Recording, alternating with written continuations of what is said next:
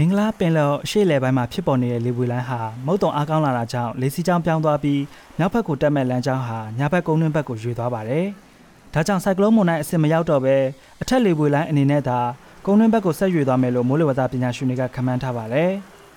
ဇွန်လ၄ရက်မနက်ပိုင်းမိုးလေဝသထုတ်ပြန်ချက်တွေအရမော်တင်ဇွန်နာမှာဖြစ်လာတဲ့အထက်လေပွေလိုင်းဟာကုန်းတွင်း AR မြဝကျွန်းပေါ်ဒေသကိုဝင်ရောက်ပြီးနောက်မြဝကျွန်းပေါ်ဒေသကုန်းတွင်းမှာပဲလေပွေလိုင်းအဖြစ်ဆက်ရွေရှာပြီးဇွန်လ9ရက်ညနေပိုင်းမှာခွန်းချံကုန်းမြစ်ပေါက်မော်တမကွေးပင်လယ်ပြင်ကိုရောက်လာမယ်လို့မိုးလေဝသဆိုင်ရာသုတေသီကခန့်မှန်းပြောပါတယ်။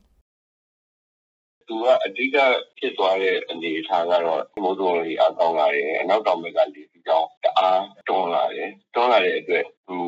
စဖြစ်တဲ့နေရာကနေပြီးတော့သူမြောက်ဘက်ကိုတက်မဲ့လမ်းကြောင်းကဒီကျွန်တော်ညာဘက်ပေါ့ဒီကုန်းတွင်းဘက်ကိုရွေ့သွားတာပေါ့ကုန်းတွင်းဘက်ကိုရွေ့သွားတဲ့အခါကျတော့ဒီဒီဝီတိုင်းအနေနဲ့ပဲဖြစ်သွားတယ်နောက်တစ်ခုကကုန်းတွင်းပေါ်ရောက်သွားတဲ့အခါကျတော့ပင်လယ်ပြင်မှာလို့မဟုတ်ဘူးသူကအပူကောင်းလာပြီးတော့မုန်တိုင်းဖြစ်သွားတဲ့အနေအထားမျိုးသူကကုန်းပေါ်မှာကျတော့မဖြစ်နိုင်တော့ဘူးပေါ့မဖြစ်နိုင်တော့ဘဲနဲ့ကုန်းတွင်းထက်လီဝီတိုင်းပေါ့နော်ဒီဝီတိုင်းအနေနဲ့ပဲဒါပေ3000နဲ့ပေ18000လောက်မှာဖြစ်တဲ့ဒီဝီတိုင်းအနေနဲ့ပဲသူကနောက်ဘက်ကိုသူကတက်သွားတာပေါ့။ နောက်ဘက်တက်သွားတယ်ဆိုတော့အခုဟာကရခိုင်ပြည်သူတွေအတွက်ကတော့တကယ်သတင်းကောင်းပဲပေါ့နော်။နောက်ထပ်ဒုတိယမုန်တိုင်းတစ်လုံးအနေနဲ့သူကတော့မဖြစ်တော့ဘူး။တခုပဲဒီသူကအထက်လေဝေဆိုင်ဒီလေဝေဆိုင်ကြီးအနေနဲ့မြန်မာနိုင်ငံကုန်းတွင်း အေယာဝီမြေကြောင်းနဲ့ဒီပကူးရိုးမှာတစ်ချောက်ကိုတောက်လျှောက်အိုးအချက်မုန်းကုတ်အထိရွေ့သွားတယ်။မုန်းကုတ်အထိရွေ့သွားမဲ့အနေအထားမျိုးတွေ့တယ်။အဲတွေ့တဲ့အခါကျတော့ဒီဟာကပြည်တွင်းမှာတော့ဘုဒ္ဓမူကောင်းကောင်းရွာနိုင်တဲ့အနေအထားမျိုးပို့ပြီးတော့ဖြစ်သွားတယ်။အဲတော့အခုဖြစ်လိုက်တဲ့အဲဒုတိယတစ်လုံးဖြစ်မယ်ဆိုပြီးတော့ကျွန်တော်တို့ခံမှန်းလိုက်တဲ့ဥစ္စာက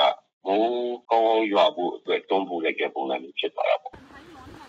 အထက်လေပွေလိုင်းဟာပေ3000နဲ့18000လောက်မှာတိုက်တဲ့လေဝဲစီးကြောင်းဖြစ်ပြီးလေတိုင်နှုန်းကအများဆုံးတနအီ30လောက်သာရှိပြီးမြေပြင်လေလည်းထိထက်ပိုနေတယ်လို့ဆိုပါတယ်။မြေပြင်လေအနေနဲ့အနောက်တောင်မုတ်တုံလေပြင်းတဲ့အနေထားသာရှိပြီးမုတ်တုံအားကောင်းလာရင်ကမ်းခြေဒေသတွေမှာတနအီမိုင်30 40လုံးနဲ့တိုက်နိုင်တယ်လို့မိုးလေဝသသုတေသီကပြောပါတယ်။ လက်ရှိအနေအထားကအနောက်တောင်မုတ်တုံလေဝင်တာကြောင့်မူးများနိုင်ပြီးကြိုတင်ခန့်မှန်းချက်အရကုန်းတွင်းဝင်ရောက်တဲ့လေပွေလိုင်းဟာဇွန်လ10ရက်ညနေပိုင်းမှာအရှေ့မြောက်ဘက်အင်းတကော်နဲ့ပဲခူးမြို့တွေဘက်ကုန်းတွင်းကိုပြန်လည်ဝင်ရောက်သွားပြီးမြောက်ဘက်ကိုဆက်ရွေရှာကဇွန်လ12ရက်မနက်ပိုင်းမိုးကုတ်မြို့အနီးထိရောက်မယ်လို့ခန့်မှန်းထားပါတယ်။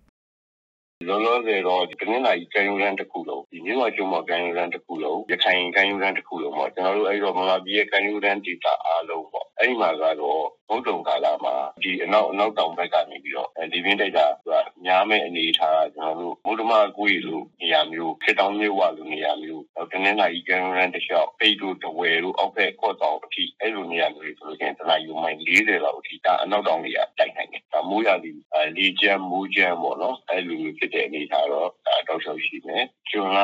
တလာလုံးနီးပါးလောက်ကတော့ဒါမုတ်တုံလေးအားကောင်းနေတဲ့အနေအထားမျိုးဖြစ်မုတ်တုံလေးကလည်းအခုကြည့်ရတဲ့အနေအထားကတနိုင်ငံလုံးကိုဆက်ပြီးတော့ဝင်သွားတဲ့အနေအထားမျိုးတော့ဖြစ်ပြီးလို့တော့ယူဆတာပေါ့နော်အဲ့တော့ဘာမှထူးခြားပြီးတော့ဆိုရင်ရမယ့်အနေအထားတော့မဟုတ်ပါဘူးအခုကတော့ကုန်းရင်းပေါ်ကနေဖြတ်ပြီးတော့ရေဘူးတိုင်းအစင်းအောင်လည်းထွက်သွားမယ်အနေအထားပြီးတော့သွားတယ်ဒါတိတ်ဒီမှာဒီတို့ကတော့အရန်ကန်ကောင်းတဲ့အနေအထားပါ